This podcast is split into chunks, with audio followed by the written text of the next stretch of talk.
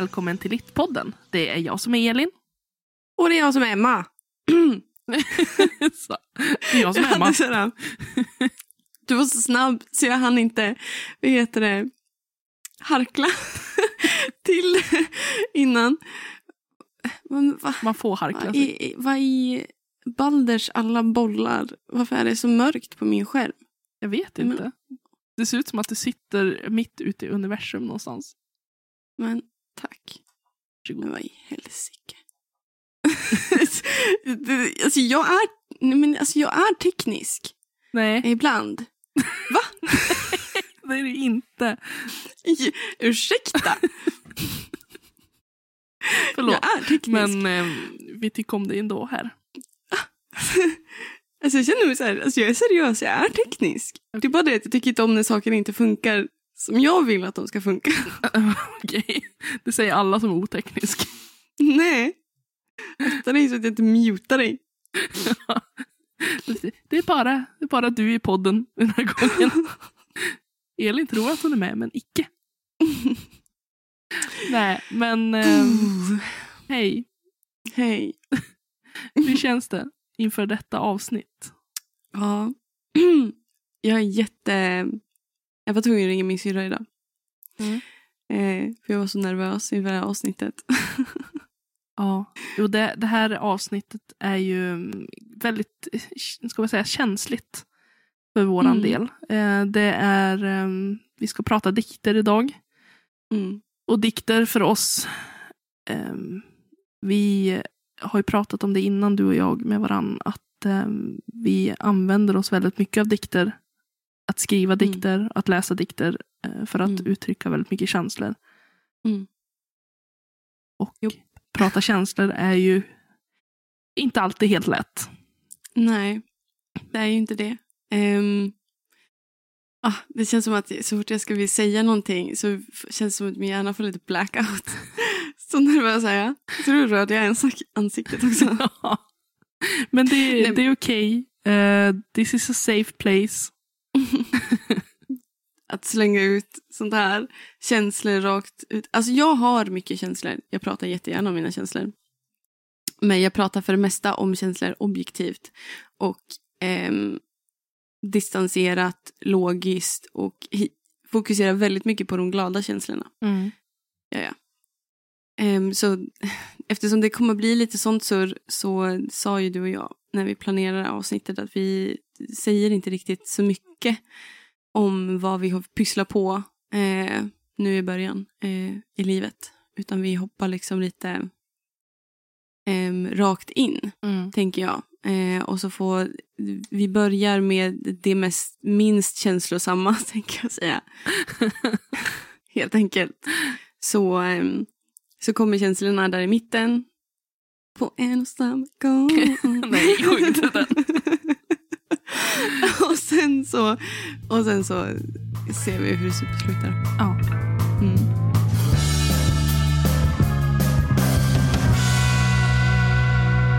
Men eh, vi kan ju börja med en av mina favoritlyriker. Eh. Mhm. Favoritdiktare. Mhm. Eh, favorithistoriker tänkte jag säga. Men Ja, nej, det- det hu- huvudpersonen i eh, väldigt eh, många roliga skämt. Bellman. En, en ryskon, tyskon, Bellman. Det är väl, det är väl in på mycket, en bar. det är väl mycket det Bellman är mest känd för. Kanske yngre, att de här Bellman-skämterna. Men Mm. eh, ja, han heter ju Carl Mikael Bellman. Han Mm. eh, var ju en fantastisk, enligt mig då, fantastisk eh, poet. Han var ju typ så här, var inte han? Alltså ja, du har bättre koll på Bellman än mig. Alltså det låter Jag som att jag är Bellman-expert, det är jag inte. Det är bara det att Bellman är både skämt, som är Elins grej, och han är liksom poet. Mm. Det är liksom det bästa av två världar för Elin. ja, kanske. Alltså, jag känner att jag fick till det rätt så bra där ändå. Så det... Det var, ja, ja, vi kan säga att det var Faktiskt. jättebra. Men, men anledningen att jag gillar Bellman är ju också för att jag tycker att han har... eh, Vad ska man säga? Han, han beskriver en misär på ett vackert sätt tycker jag. Eh, det är konstigt att man kan slå ihop de två sakerna för att när man eh, han, han beskriver ju väldigt mycket alkoholmissbruk till exempel. Jag tänker vi måste backa bandet lite. Mm.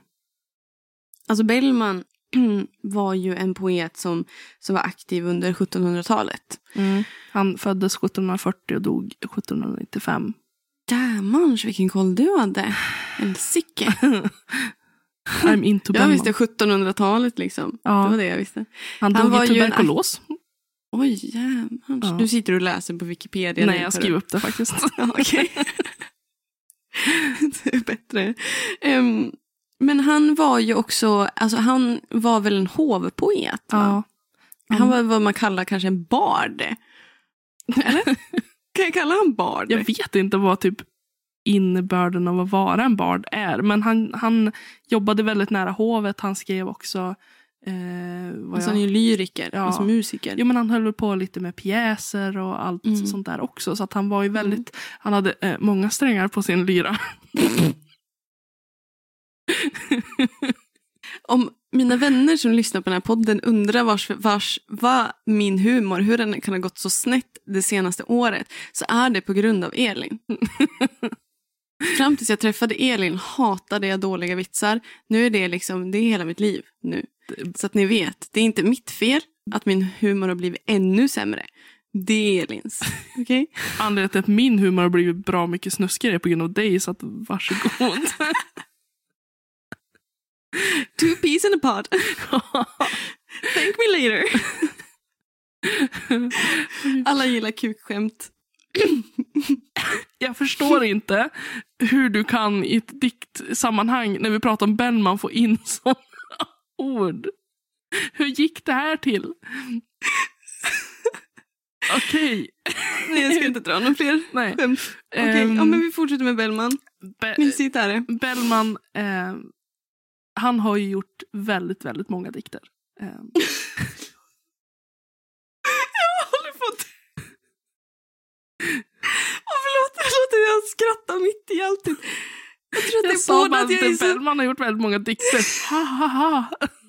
Ja, men jag tror att jag blir lite fnissig för att det är liksom kukskämt, vitsskämt och så för att jag är nervös och allt det där. Ja. Ja, okej, okej. Ta ett djupt andetag. Nu, nu blir vi seriösa igen. Ja. Okej? Bellman.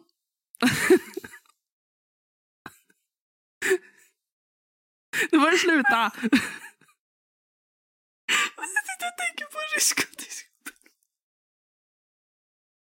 Förstör inte min Bellman. Han är min vän. Mm. Jag kan berätta eh, vilken dikt som är en av mina favoritdikter med Bellman. Så får du samla dig en liten stund. Ja. Eh, han har ju väldigt många dikter som ehm, eh, de heter Fredmans epistlar och de eh, har ju olika nummer.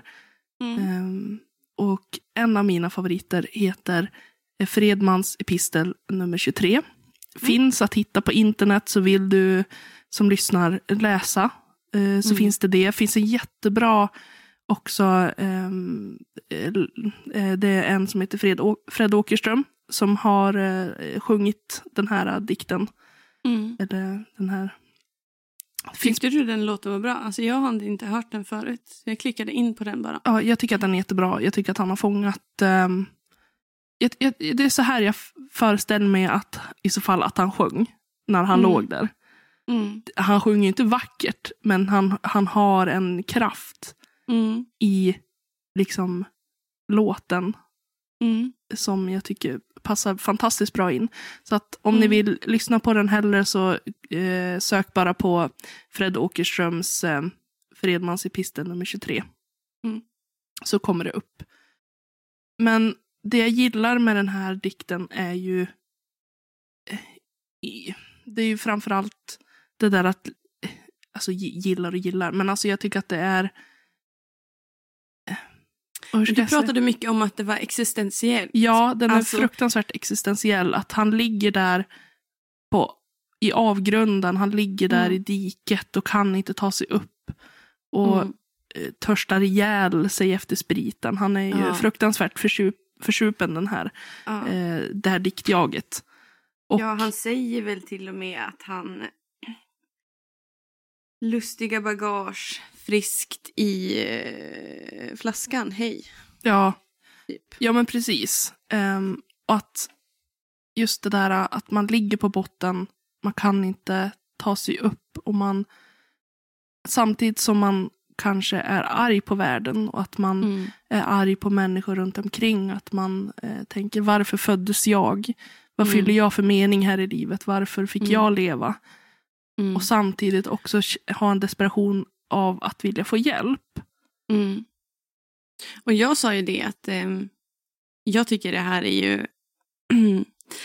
alltså jag tycker det här, du tycker inte riktigt, du håller inte riktigt med mig om det. Men att det här, det här att han är alkoholiserad, han beskriver en alkoholiserad missbrukare Ja, som alltså, ligger i den absolut, stenen. absolut gör han det, men jag tycker inte att det är helheten i Nej. dikten, utan den kan röra så mycket annat än bara alkoholism. Nej. Eh, Det finns så många olika typer av misärer där man Men jag tycker att han nämner ju alko alkohol så mycket och Ja, sprit. För det, Absolut. Det, men jag fattar vad du menar. Alltså, det är ju, alltså, alkoholism är ju typ en... Alltså, nu tycker inte jag om den, att det är en, sjuk, det är en sjukdom. mm, Alltså missbruk är en sjukdom. Beroende. Eh, tendenser och beroendegener och all den där skiten. Ehm, och jag tänker väl att det är kanske det, själva sjukdomen som du menar. mm.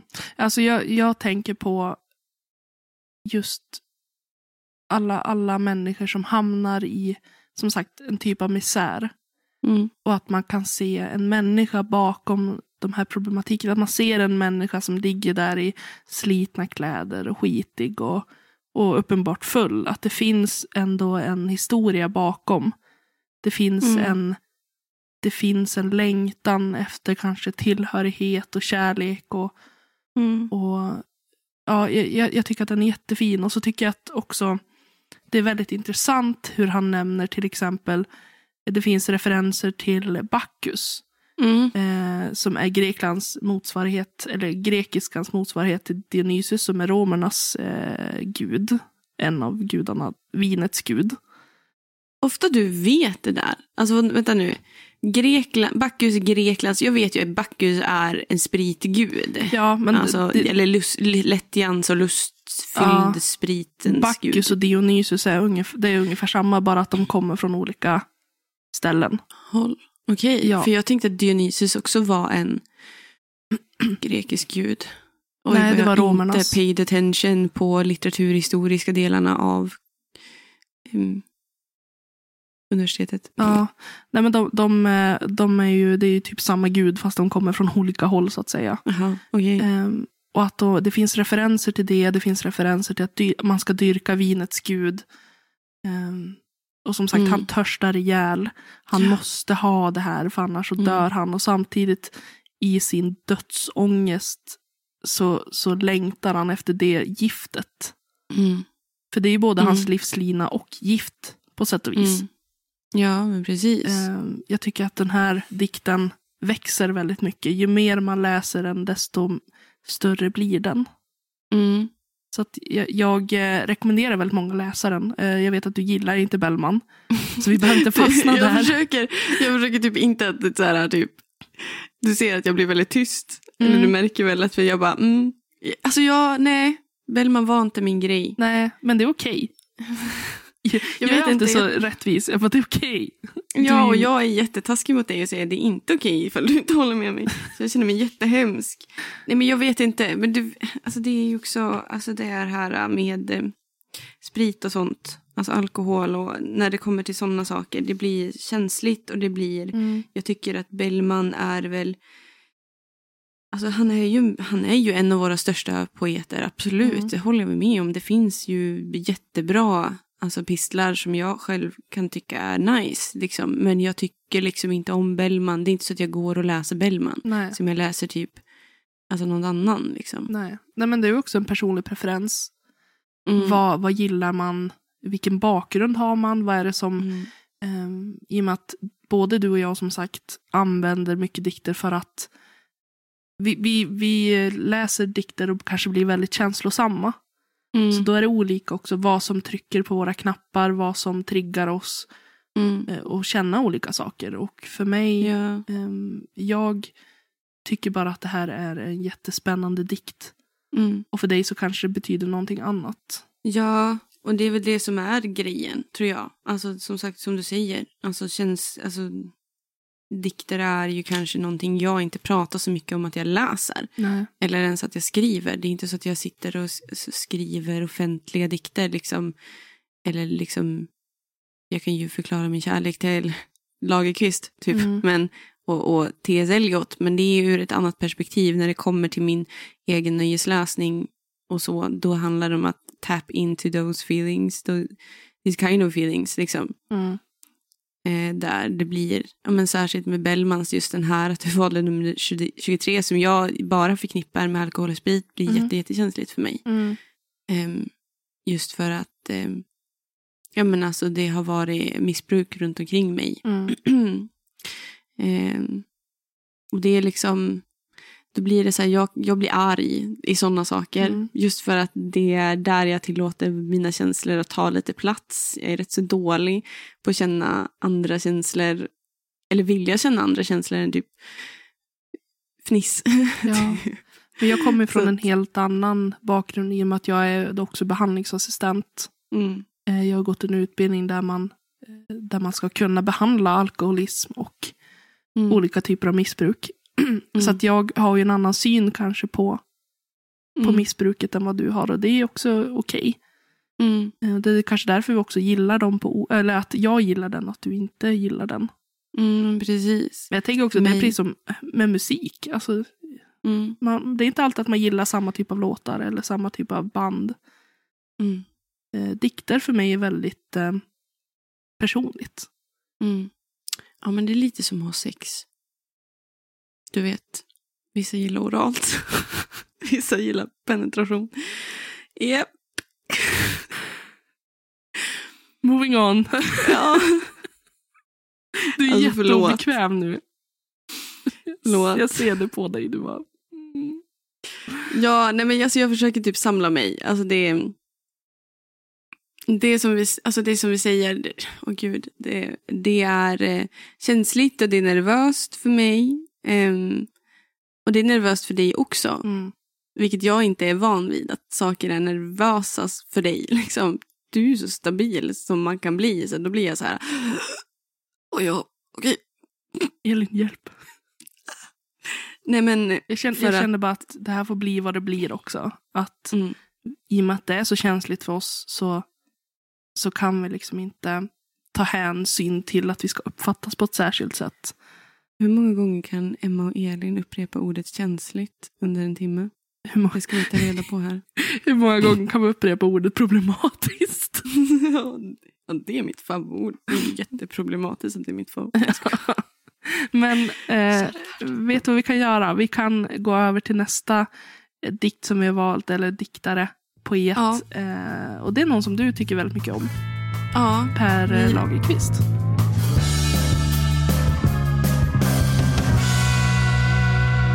Jag lägger en bok åt sidan och tar upp nästa samlingsbok, diktsamlingsbok. För övrigt, eftersom jag inte pratar så mycket om att jag alltså, är en diktmänniska. Alltså, om ni skulle se min bokhylla hemma så skulle ni fatta att jag är en diktmänniska. För jag har bara ett stort sett samlingsverk av de poeter jag tycker om mest. Mm. Och jag har en jättestor bok som heter Per Lagerkvists samlade verk som är jättefin. Kolla, Elin. Mm. Mm. Oh, Jättefin. Oh, wow, wow.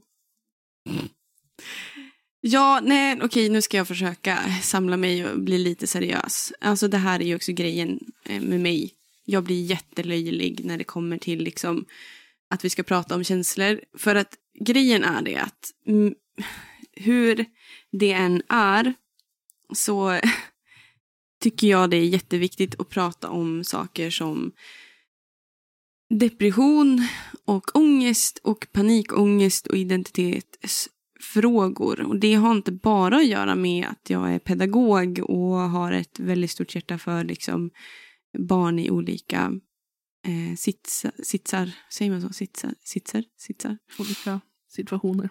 Situationer. Precis. Utan det har faktiskt att göra med att sen det se- känns ju surrealistiskt men det är ju också för att det är stigmatiserat att prata om det. Men jag har ju, jag blev ju frisk från en på sätt och vis eh, depressionsdiagnos när jag var 23, 24. Mm. Eh, och då hade jag varit deprimerad i olika grader då. Alltså det var, jag var aldrig frisk från och med att jag kanske var 13 år gammal. Eh, och där någonstans utvecklade jag ju också någonting eh, som är väldigt vanligt och det är ju ångest. Mm. Olika sorters ångest finns ju, men jag utvecklade den här generaliserade ångesten och sen så utvecklade jag också social ångest och panikångestsyndrom. Eh, och någonting som hjälpte mig att hantera det eh, var dikter och det var specifikt eh, Per Lagerkvists bok Ångest. Eh, heter den Ångest? Den heter väl kanske Kris, typ. I min, Nej, den eh, heter Ångest. 1916. Boken heter Ångest. ja, I min eh, svensk poesibok då heter den faktiskt Ångest, ångest är min arvedel. Alltså hela, Okej, det. hela boken? ja, ja, alltså, ja. Ja, för de versioner jag har heter bara Ångest. men vi kan säga ångest bara. Alltså det är ju Ja. lätt att hitta. Det finns också säkert på internet att hitta om man nu vill stanna kanske och läsa den här först. Mm, exakt. Och ni har hört mig upprepa första frasen tror jag två gånger i den här podden. Där, där det börjar ju med att ångest, ångest är min arvedel. Mitt Mm. strupesår. Eh, Mitt hjärta skriver i världen. Och, eh, och det, det, det är liksom så svårt, det är så svårt att prata för mig om, alltså det, det är liksom, jag tycker att jag pratar jättemycket om tiden som deprimerad och jag tycker att jag pratar jättemycket om att ha ångest och panikångest. Men jag insåg ju det när jag blev frisk då, eller blev friskförklarad att eh, det har du inte alls gjort, du har bara gått omkring och varit väldigt ledsen. Mm. Så det här sättet syns på dig. Och att börja att hitta ord, att förklara liksom vad det är man har gått igenom, det, det var ju liksom, det fick bli ångestdiktens ord. Mm. För att han säger någonstans här, jag måste få typ läsa det. Eh, där är det. Jag famlar kring i detta dunkla rum. Jag känner klippans vassa kant mot mina fingrar. Jag river mina uppåtsträckta händer till blods mot molnens frusna trasor. Mm. Alltså just den delen, eh, utöver den första delen av Ångest, ångest är min arvedel, var ju liksom det som fick liksom berätta, alltså det, det var liksom exakt så det har känts. Mm. Liksom. Jag fastnar också väldigt mycket på den delen just för att han, skri eller att han skriver att eh, med alltså, uppåtsträckta händer och för mig signalerar det till underkastelse, att man liksom visar sig liksom att antingen att det kan vara så här, jag ger upp, man, man här upp händerna och så här, jag, jag lägger mig platt för det här. Mm. Eh, eller jag kommer i fred eller liksom någonting Mm. som, det är en väldigt tydlig underkastelse. Mm. Att man står inför någonting och bara säger jag kan inte klara det här längre själv. Mm.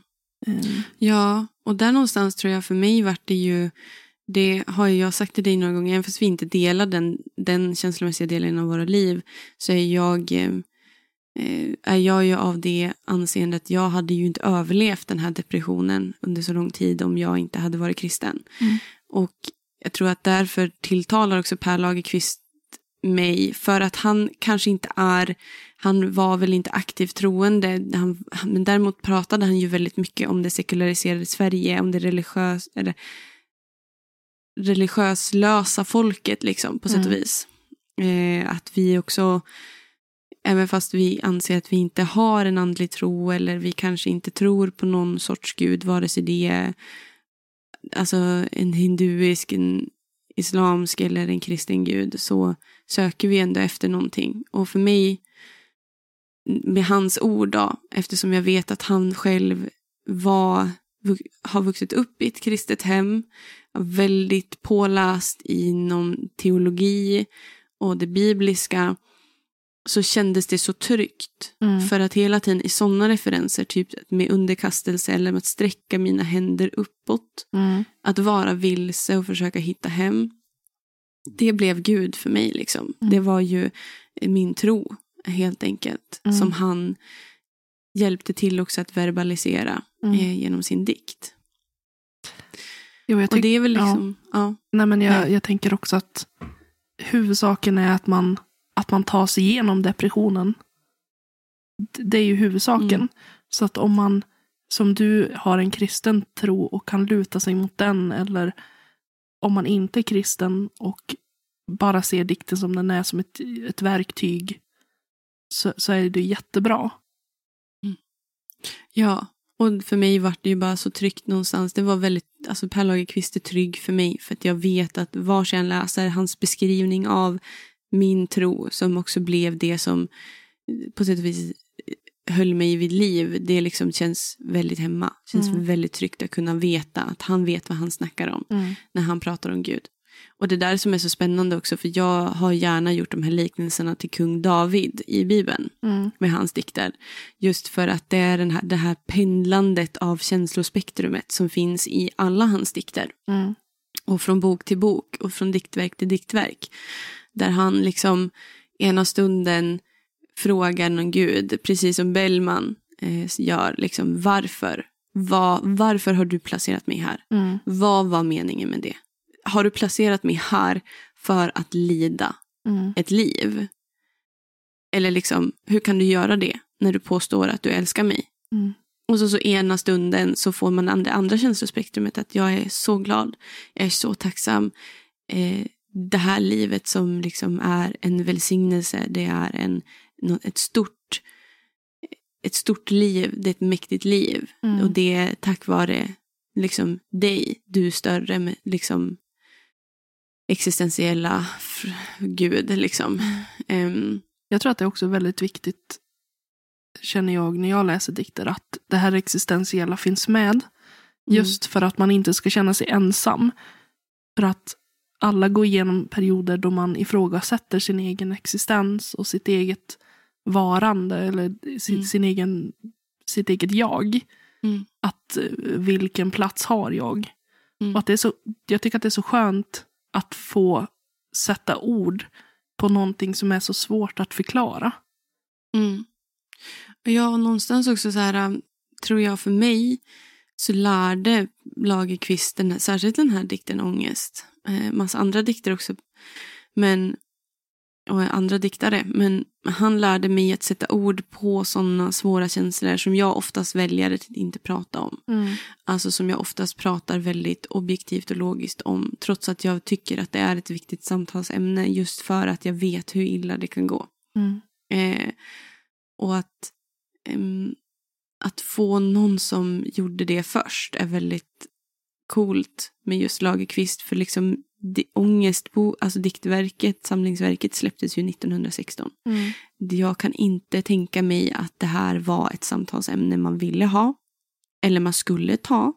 Eller ens på sätt och vis var legitimt att ha. Nej. Nej, men all psykisk ohälsa var ju otroligt stigmatiserat. Eh, Och är ju fortfarande det till viss del. Det är ju inte Ja. jättelätt att prata om ångest eller depressioner. Det är klart att det blir bättre än vad det har varit. Mm. Men samtidigt Mm. så finns det en lång väg att gå. Så att han var ju en pionjär egentligen på så sätt. Mm. Att, Oh ja. att kunna då sätta ord på att "Men jag, jag mår inte bra. Nej. Eh, Och att jag, jag känner inte att jag har alla svar på, Mm. På det jag vill ha svar på. Mm. Det var någonting jag fastnade väldigt mycket som jag inte kunde riktigt eh, bena ut vad det kunde stå för. Eh, det, det var Nu styvnar löddrig sky, sky i nattens grova hand. Mm. Ehm, jag, jag, jag satt och funderade väldigt länge på den meningen och jag kom inte liksom... det- Nattens grova hand känns ju som någonting som tar tag i en. Eh, Mm. Den, den liksom en stor... Någonting som greppar tag om en. Vet du vad jag tänker på? Mm. Eller när jag läser den här delen så får jag upp den här bilden att löddrig sky så tänker jag en, väldigt en, en himmel full av moln. Men jag tänker att när det styvnar så det är ju någonting som blir hårt. no shit. Tänker du så? Är du säker? Okej, det här är min coping mechanism. Jag Jag, alltså jag, blir, jag blir, tycker det är så känsligt så att då, då vill jag hela tiden, min automatiska försvarsmekanism sätter in och då kommer snuskskämten. Okej? Låt mig få hantera det här nu. Ja. Nej, men jag tänker att det är en himmel som blir hård. Ehm, alltså en himmel som blir grå, stålgrå och åskar och blixtrar och liksom du vet när det verkligen är det här mullret och du ser de här gråa molnen Mm. komma. Det som förut har varit vitt och löddrigt liksom Mm. blir någonting hårt och liksom kallt och avståndstagande och hotfullt Mm. någonstans. Och jag tänker att alltså det är den bilden jag får. Mm. Men jag tänker så här, vad, vad kan det stå för? Är det då den här eviga, om man säger att det är ett oväder som drar in, Mm. att, att man då är fast i den här stora handen som håller en, den här mörka som grabbar tag, grabbar tag i dig och håller dig hårt. Eh, Jag tänker att det är en hotfull omvärld mm, du ser. Att det är liksom... Du vill inte vara i världen och världen vill absolut inte ha dig. mm, Helt enkelt. För jag tror att det är mycket det. Eller så, där, där, det är ju för att jag tolkar in, för att det är ju så det har känts för mig. Om man nu ska tolka in känslor i det. Mm. Liksom ångest och depression har ju varit så. Att jag tror att jag inte är välkommen. Det är där min ångest slår igång. Att jag inte är önskvärd. nej. Eh, och jag, det är väl det jag känner som starkast någonstans när jag läser den här dikten. Det är också att det- någonting som vi båda, jag tänker det är någonting som vi båda har gemensamt. Mm. Att vi har eh, haft depressioner till och från under våra liv. Mm. Och att det, har, det, är ju, det ser ju olika ut för alla. En, en depression är ju inte den andra lik. Det går ju Nej. aldrig att liksom beskriva hur någon annan känner sig. Nej. Men just det där kan jag känna igen mig i också. Att, att känna att man är till besvär. Mm. Att man inte är önskad. Mm. Att det är väldigt lätt att tänka att det vore bättre om jag inte var här. Och det är väldigt farligt Mm. när man börjar tänka så. Mm. Att eh, det, man kan alltid hitta på anledningar när man befinner sig i det mentala tillståndet. Att eh, ja, men det vore bättre om jag försvann. Eller det vore Mm. bättre om jag bara inte, inte var till ett besvär längre. Och det är väl lite så här, det är ju så skrämmande någonstans. Alltså det är ju därför jag också känner att jag många gånger inte egentligen vill prata om de här sakerna. Alltså det finns ju en anledning, det finns, kan ju finnas två anledningar till varför jag hellre läser de här dikterna och diskuterar med mina absolut närmaste. Absolut, absolut, absolut närmaste. Eh, det är en stort att jag pratar med dig om det och vi är ändå, vi är ändå bra vänner. Ehm, det, det är liksom, ena delen är den stigmatiserade delen. Ehm, där liksom det inte är välkommet på grund av stigmat. Mm. Den andra delen är att när man då verkligen går in och börjar diskutera det här och, och nu har jag också ord som en ordbok i den här dikten och i Lagerkvist liksom att sätta ord på de här grejerna Mm. och sen då också verbalisera dem högt. Att, att det liksom... eh, oh my god, I lost my train of thoughts because I'm so nervous. Men alltså det är... För mig är det här ju fortfarande symptom som lever kvar. Mm. Att inte vara önskvärd. Nej. Så Någonting som jag vet och har förstått att man kanske kommer få kämpa med Mm. eh, hela sitt liv. Ehm, och det som jag fattar det så är liksom, det någonting du också arbetar med. Absolut. Ehm, och det blir väldigt speciellt när man då börjar prata om den här dikten som också skapar de här bilderna i mitt huvud. Liksom. Att inte vara att någon sitter och beskriver att det inte vara önskvärd. Nej. Ehm, Min kurator beskrev det där väldigt, väldigt bra en gång. Att om man tänker sig att varje depression lämnar efter sig små sår. mm, Som då du lyckas läka genom kanske att prata om det, du, du jobbar med dig själv. Men det finns alltid ett ärr kvar. Mm. Så nästa gång du får en depression så blir det här ärret mer djupt, Mm. det blir mer skårat, det blir Mm. mer rough. Så att Mm. säga. Mm. Det är någonting som aldrig läker men du måste liksom hela tiden ta hand om det här. Du måste alltid Mm. jobba med dig själv. mm, För, och man skaffar sig verktyg för att hantera vissa saker. Ehm, för att inte hamna kanske i samma djupa depression som man har varit i förut. Mm. Ehm, Och jag tror att det där blir så svårt också för mig. Alltså jag kan förstå det. Men alltså det, det, nu vet jag inte, så nu har inte du pratat så jättemycket om din depression, men jag antar. Alltså jag har ju som sagt varit deprimerad sedan jag var 13 år gammal. Jag var ju deprimerad som en symptom på, på min ADHD som var obehandlad. Mm. Eh, där depressionerna blir för att man ständigt misslyckas. Vilket har gjort mig livrädd. Jag vill ju vara perfekt. mm, Ehm, och det är liksom... Det är ju någonting jag aldrig kommer kunna vara. nej. Så att de där ärren kommer ju alltid eh, sprättas upp, Mm. om man säger så. Eh, för mig. Och, och det är liksom... Därför blir det också väldigt svårt att prata om det. Och det är därför jag så mycket, mycket, mycket, mycket, mycket hellre läser det. Till exempel. Alltså det är det enda som läker. Det är det enda som gör att det läker för mig. Mm. Eh, Lagerkvist dikt. Mm. Liksom, och inte för att den egentligen slutar bra. Alltså det enda det han säger är det som klingar väldigt starkt för mig är just den här ångest, ångest är min arvedel. Mm, Liksom, mitt strupesår, mitt hjärta skri i världen. Mm. Och den slutar likadant.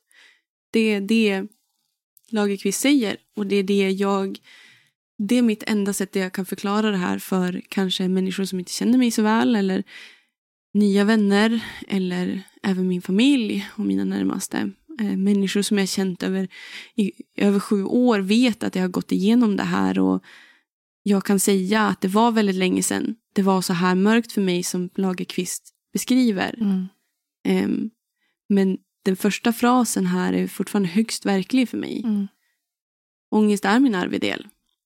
Det är mitt strupesår, det är mitt hjärtas skri i världen. Det är, jag, liksom, det, det, det är så det kommer vara. mm. Ehm, Man får dras med henne. Så är det ju bara. mm, Det kommer alltid, Ja. Man kan- kommer alltid bära med sig minnena av det också. mm. Och bara det är ju traumatiskt på ett sätt. Ja, Mm. du kommer vara mer eller mindre nära. Liksom. Mm. Jag vet ju det nu att jag bara för någon liksom, månad sen så var jag ju jättenära. Mm. Den där rackarns kanten, getballskanten, liksom Mm. att kliva ner någonting. Det var verkligen på riktigt tillsammans med min bästa kompis liksom så knäppa fingrarna framför ögonen på mig och bara nu, nu är du, nu är du ute och cyklar. Mm. Nu måste du rycka upp dig. Eller du måste säga det här högt. Mm. Och det är väl det som liksom dikterna gör för mig. Mm. Verbalisera det som jag egentligen inte vill verbalisera. Eh, hjälper mig att förstå min, min symptom. Mm, hjälper mig att förstå det här utan att jag ska behöva överförklara mig. Mm. Eh, och så. Men fy fan vad mörkt det blev. Ja. Helvete Elin. Nej. Nej, nu vill inte jag något mer. Nu går vi över till hon som, nej, förlåt. Ska- nu orkar inte jag Ska vi mer. gå över till... Eh, jag tänkte vi hon jobbar oss ska uppåt. läsa. Ja, vi jobbar oss som man ska- uppåt ur det här hålet. Och så tar vi Precis, en det ikon. Jävla sunkhålet. Ta en ikon.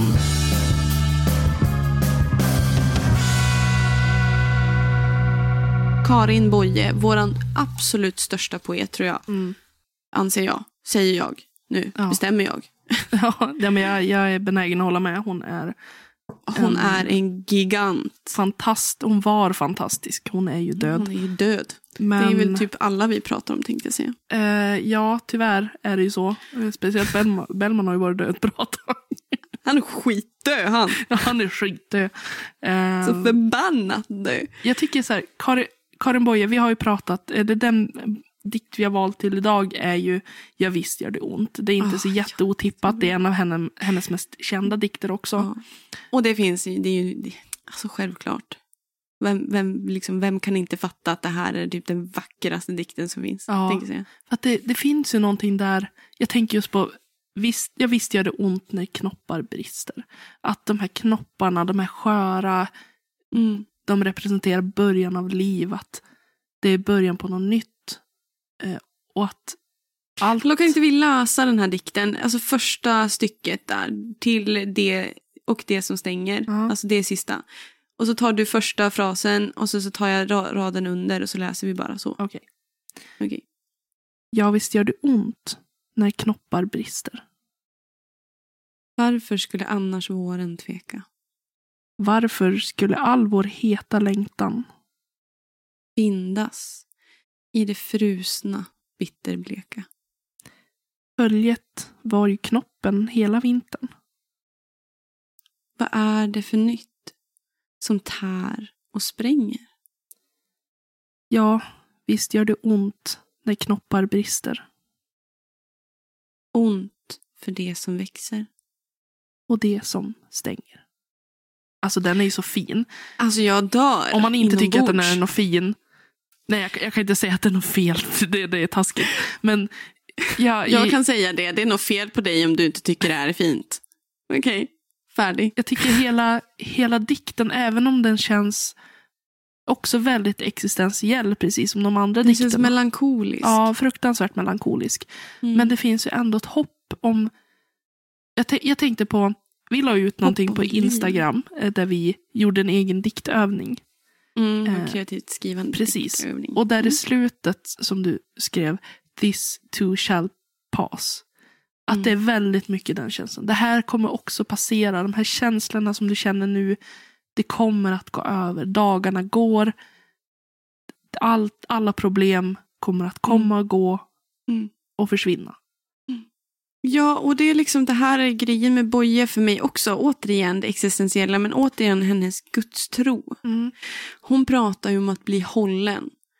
Att bli liksom, att det här, om Lagerkvist är mellan de här, det är djupaste, djupaste, mörkaste, mörkaste och samma sak med Bellman, mörkaste, mörkaste, mörkaste eller toppar, toppar, toppar. Ja. De var ju liksom verkligen och pendlade där någonstans. Så är hon så här, ja det är mörkt.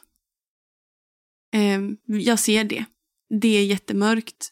Men det kommer gå över. Solen kommer stiga nästa dag Mm. det här är katastroftankar. Och så. Ehm, och, och, och då prata om att, inte att du måste hålla ut eller du måste liksom, du måste låta dig plågas eller hon är mer typ så här, känn dina känslor. Ja. Det gör ont Ja. när knopparna brister. Det gör ont.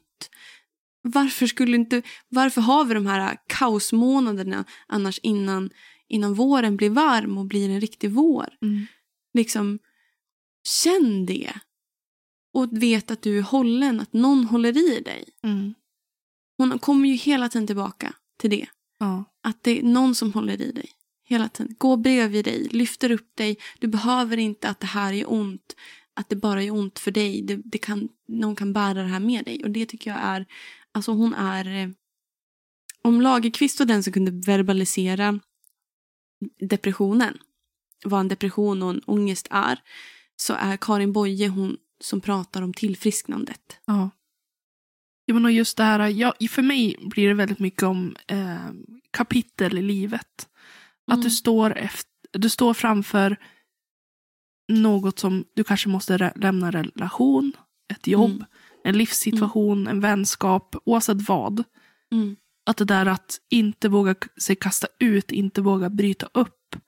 Mm. Men att samtidigt så gör det ju lika ont när du står med båda ben, alltså när du står med ett ben på varje sida. Mm. Att du måste, du måste våga. Mm. Om det är någonting som gör ont i dig Mm. av att till exempel vara en, en relation Mm. så kommer det fortsätta göra ont så länge du inte tar det här steget även om det också gör ont ett tag. Mm. Alltså vet du vad jag tänker på när du, när du pratar om det här? Då tänker jag på absolut sista delen. Det här äh, faller i ett glitter i kvistens droppar. Glömmer att det skrämdes av det nya. Glömmer att det ängslades för färden. Känner en sekund sin största trygghet. Vilar i den tillit som skapar världen. Mm. Och särskilt just det här, glömmer att det skrämdes av det nya. Ja. För det är jätteskrämmande. Ja. Och jag tänker det är svinförbannat. Kapten Hogdocks alla svordomar skrämmande att bli frisk. ja. Jo, men det, när man väl har tagit ett beslut och, och tagit det här hoppet. Mm. Man har låtit allting bara fallera och man kan plocka upp sig själv igen. Mm. Det är sällan man ångrar sådana beslut. Mm. Man växer alltid som människa och man, man kan börja om Mm. på ruta ett Mm. och må bra. Mm. Och det där var ju typ så här, där var ju liksom Karin Boye, men, nu refererar jag jättemycket till mig själv, men det här är det enda sättet jag kan prata dikter om. Mm. Alltså det är jättesvårt för mig att prata om dikter, det är därför jag håller det så privat också. Ja. Men, nej men alltså Karin Boye var ju liksom också lite den här som fick ta vara modet Mm. för mig. Alltså nu, nu har jag läst Karin Boye sedan jag var liten. Min mamma har läst mycket Karin Boye. För mig och min lilla syster och min bror.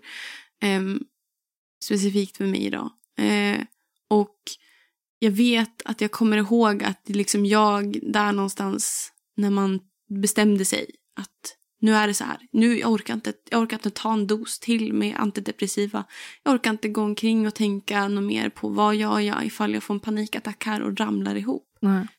Ehm, så var det så otroligt skrämmande. För att där någonstans bara hade ju all min kreativitet också legat. Det har ju varit min tillflyktsort. Mm. Att skriva, att läsa, att, att skapa musik, att vara en kreativ människa kom ju utifrån smärtan. Att fly in i en fantasi liksom, värld. Mm. Och då liksom insikten att jag måste få bli frisk, jag måste bli frisk nu. Jag kan inte fortsätta vara sjuk. Kommer jag då tappa min kreativitet? Kommer jag tappa det som är jag till 80 procent? Mm. Liksom? Och det, där fick Karin liksom Boje vara typ den här som fick vara lite som en, en fackla för mig. För att där man famlar så mycket i mörkret till att hitta tillbaka till någon som man egentligen aldrig riktigt har fått vara. Nej. Nej, alltså, hon förmedlar ju så mycket styrka också. Mm. Att det finns, det finns en liksom som power, en kämparglöd i det här. Mm. Att, att liksom allt kommer att Sorry. ordna sig, du, det, kommer att gå bra. Mm. Och Mm. det är ju också väldigt hoppfullt mitt i allt det här onda. Eh, och det är Mm. något man också måste tänka på när man väl är i den situationen. Att Mm. det finns alltid ljus i tunneln.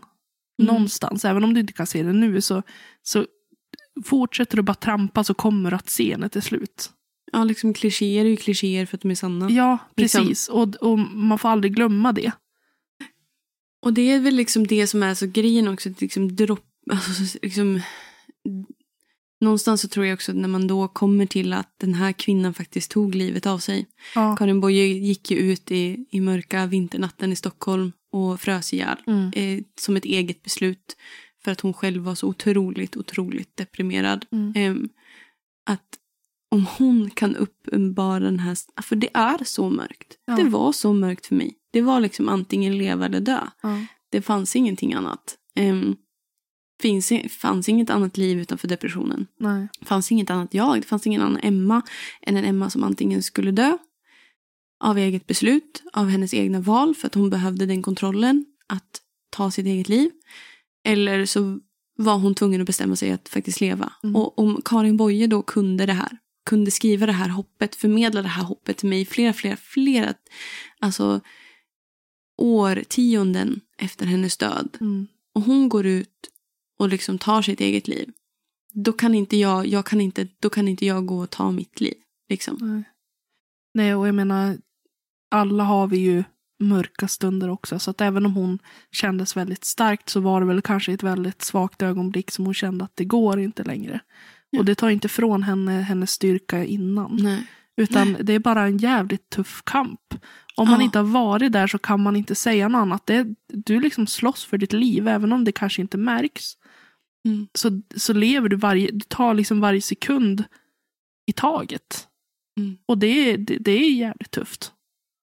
Nu fick du väldigt mycket power i din röst. I love it. I love it. Nej men jag håller med dig. Mm. Det är liksom nog väldigt, väldigt, väldigt svårt att kunna relatera till om man inte varit där. Nej. För att känslorna, det är liksom, det är väldigt svårt att förklara också. Ja, men alltså, Jag tror att det är därför det är så stigmatiserat också. Det är Ja. liksom, hur ska jag kunna förklara att vara inne i min hjärna? Det kan jag inte. Du kan inte läsa mina tankar. Mm. Så du måste bara ta mig för mina ord. Eller Ja. för Bojes ord. men det, det är ju som att du har din värsta fiende och din främsta kämpe i ett och samma huvud. Du Mm. utgör en sån otrolig kamp i din kropp varje Mm. sekund av dygnet när du är där. Mm. Och- Vet du vad Elin? Oj, förlåt. Vi är uppe i femte minuten nu. Och jäklar. Mm, det finns så mycket att prata om när man pratar om Ja. skit. Ja, men vi gillar Boy i alla fall. Alla dikter vi pratar om idag går att hitta på nätet. Jag, Ja. jag rekommenderar verkligen att, att gå in och Boye. läsa. Läs Boje. Bellman. Ja. Jo, läs Bellman. Emma är inte referenspunkten till allt. Läs Bellman, Well. avgör själv. Well, vad är du? Jag är lärare utan legitimation, men Jag jag är lärare. fan människa. Är du det? Nej. För nu går vi över till Edith Södergran.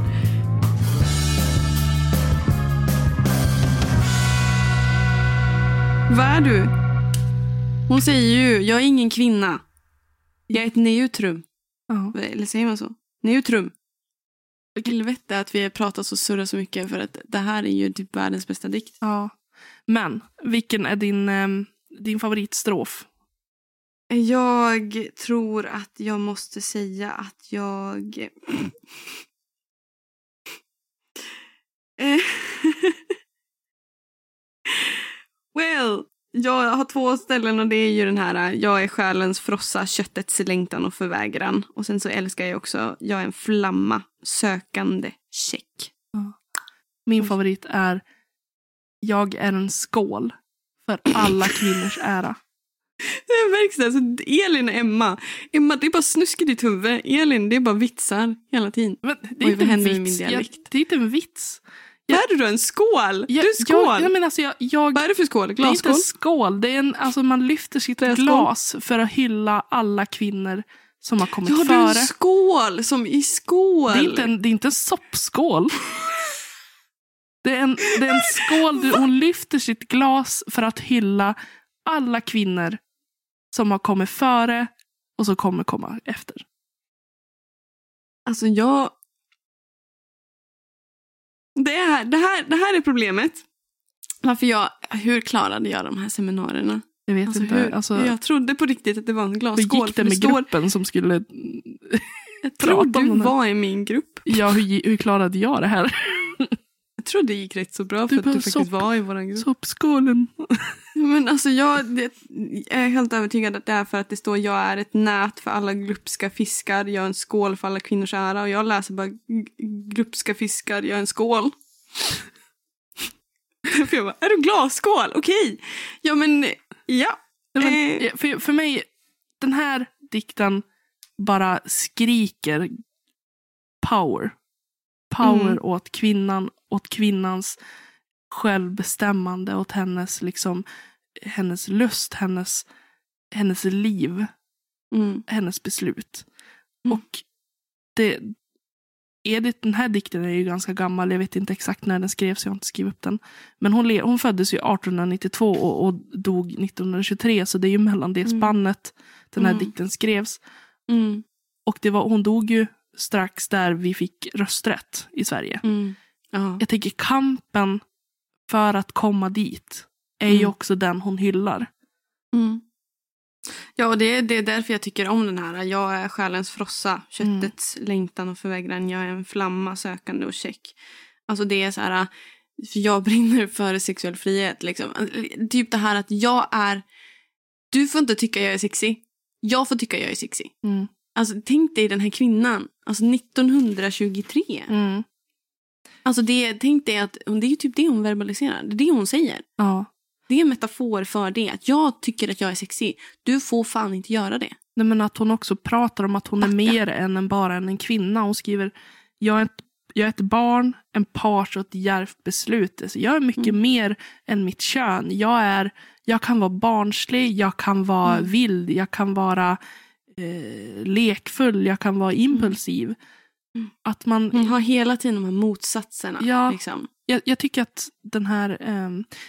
va- jag, jag har jättesvårt för att uttala den här dikten. Vierge moderne, eller Vierge modern. Jag tror att det typ är något sånt där, du vet, latinskt eller något sånt där. Ja, Vierge moderne. Jag tror, om jag får gissa, att det står så här typ, Verge står för typ virgin och moderne. Eller virgin som jungfru. Och moderne, den moderna jungfrun.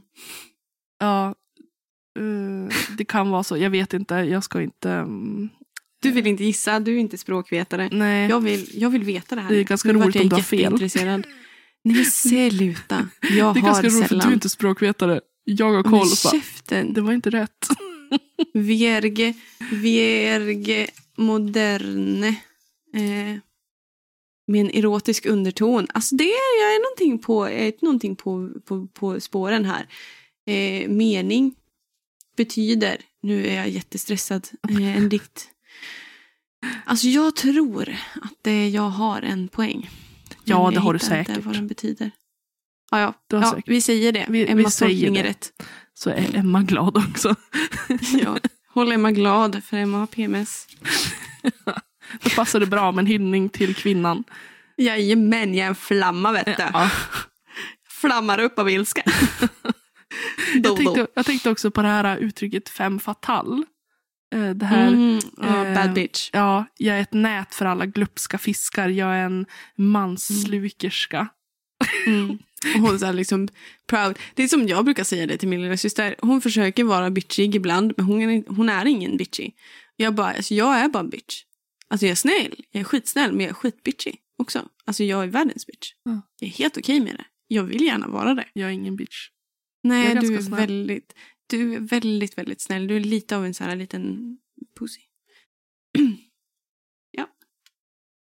I will knock you out nästa gång vi ses. Man talar inte så till sina äldre. Till nästa poddavsnitt ska jag ha lärt eh, Elin säga I will cut you. You cunt. Nej okej, nu måste vi typ så avrunda. Ja, jag känner att det här var inget bra att spela in så här har- sent. Eller Nej. sent, sent. Klockan är halv nio på kvällen. Vi vi är gamla Elin. Du behåller fortfarande lite av ungdom, ungdomens glans. Mm, Jag är bara väldigt röd i ansiktet. Jag eh, är snart på väg eh, med att skaffa Nej käpp. men nu måste vi sluta. Ja. Okej, vi har information. Ja, Ni som har orkar lyssna för det här kommer att bli ett långt avsnitt nu känner jag. ja. Men Viktig Det är så information. här. Vi, vi blev tillfrågade i höstas att få ha, arrangera någonting på något som kallas Bokveckan. Som, till, som Littfest tillhör dem. I Umeå. Bokveckan ja, precis, arrangeras i Umeå. Och är ju, Littfest och Bokveckan är ju inte bara en nationell grej utan det är även en internationell grej. Mm. Det är liksom tidigare innan pandemin så var det även internationella författare som kom hit. Mm. Eh, och det har varit många folk, alltså det är ju, vi, vi, till exempel i år så ska det ju komma en som har vunnit Augustpriset. Mm. Till exempel. Det är en stor Det är en- grej. Det är en väldigt stor grej är- och vi, har, vi blev tillfrågade Jaha. Och köra livepodd. på Pipes. Men tyvärr så är ju corona här för att stanna ett tag till. Så det blir ingen livepodd på Pi- Pipes. Eh, däremot så blir det nog ett digitalt substitut till det. Mm. Helt enkelt. Vi är inne och pratar väldigt mycket med de som arrangerar hela bokveckan. Mm. Planerar och diskuterar. Så bokveckan börjar den 15 mars och slutar när då? Det är en vecka. Hur många? Ja, 20, 21 mars kanske? ja, jag minns inte. Jag, för att vi skulle prata, eller vi skulle köra den 18 mars. Ja, något sånt. Torsdagen där. Det, det är så att programbladet släpps snart. Mm. Eh, ni kan gå in på bokveckan.se och kolla upp det. Ehm, men det kommer också dyka upp Facebook-evenemang och vi kommer ju absolut annonsera ut det här för det här är ju skitstort för oss. Det här är Ja. jättekul. Vi, ju närmare tiden vi kommer, desto mer information kommer vi pumpa ut så att ni vet eh, vart ni ska hålla koll, vad, vad ni ska göra, när ni ska göra saker och ting. Precis. Och ni får, alltså vi är bara jätteglada om ni vill hänga med oss under bokveckan. Mm. Alltså, Troligtvis blir det ju i poddformat då. ja, Vilket känns gigantiskt kul. vi kommer prata om ditten och datten. Som vi gör annars. Fast kanske eh, lite och datten, längre. vi kommer prata om ditten böcker och ditten datten böcker. Men det visste de väl redan. Hallå? Ja. Oj, hotfull här nu.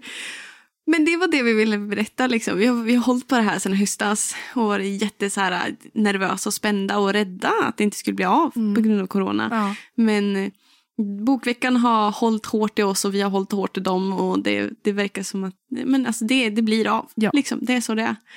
Eh, Och det känns jättekul. det är jättespännande och det skulle vara så himla roligt om ni ville vara med oss den kvällen. Ja. Eh. För det är ju tack vare er. Ja, Alltså det är ju tack vare ert intresse av podden som det liksom som vi får göra såna här grejer. Ja. Det är ju bara, eh, bara er, Ja. ni som lyssnar. Vilket, alltså vi, jag, Emma, är lycklig och tacksam över er. Ja, Tack. jag också. Det där som bara, jag, Emma, är tacksam över er. Men Nej, men jag Ja. kan inte prata för dig också. Du måste, du måste komma med här Elin och säga ja, jag också. Eller jag, Ja. Elin. jag, Elin, är också jättemycket tacksam. Vi jättemycket. båda två. Ja. Men det var jättekul att prata ikväll. Det var känslosamt och tack för att ni Mm. orkade lyssna. Eh, jag fattar att det var mörkt, men Ja. det är också det måste få finnas väldigt mycket rum för känslor och ärlighet när det kommer till bokens värld. Mm. Det är ju våra tankar som vi skriver ner i ord. Exakt. Så är det. Men vi, Vi hörs. vi hörs. Ha det bra hörni. Hej. Hej då.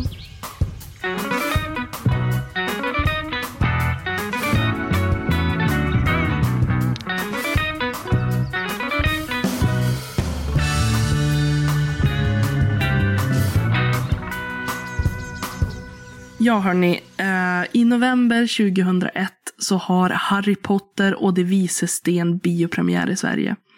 Eh, jag hade läst alla av böckerna som hade publicerats innan dess och dessutom flera gånger om och om, och om igen. Jag eh, var väldigt förväntansfull inför den här filmen och jag älskade den. Första gången jag såg den på bio så kände jag måste gå och se den igen. Gick på bio en gång till några veckor efter detta och gick som på nålar innan VHSen äntligen kom ut. Och VHSen släpptes samma dag som jag hade en fotbollsmatch. Jag skulle ha fotbollsmatch lite senare på eftermiddagen tror jag. Eh, så jag tvingade min mormor att fara ner tillsammans med mig då till stan för att köpa den här VHSen. Så att den skulle kunna ligga hemma och vänta på mig tills jag var klar. Så att jag kunde se den, även den, om och om och om igen. Och det här med bok till film tycker jag är så fruktansvärt intressant på något vis.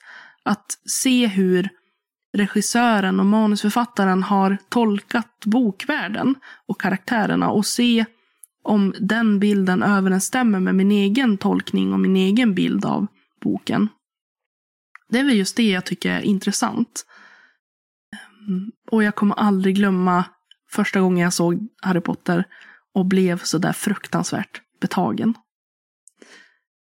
Du har lyssnat på Littpodden med mig, Elin Oslin och Emma Granholm. Musik och klipp av Magnus Kjellson och Robert Granholm. Management av Ida Berglund. Tack hörni, för att ni har lyssnat.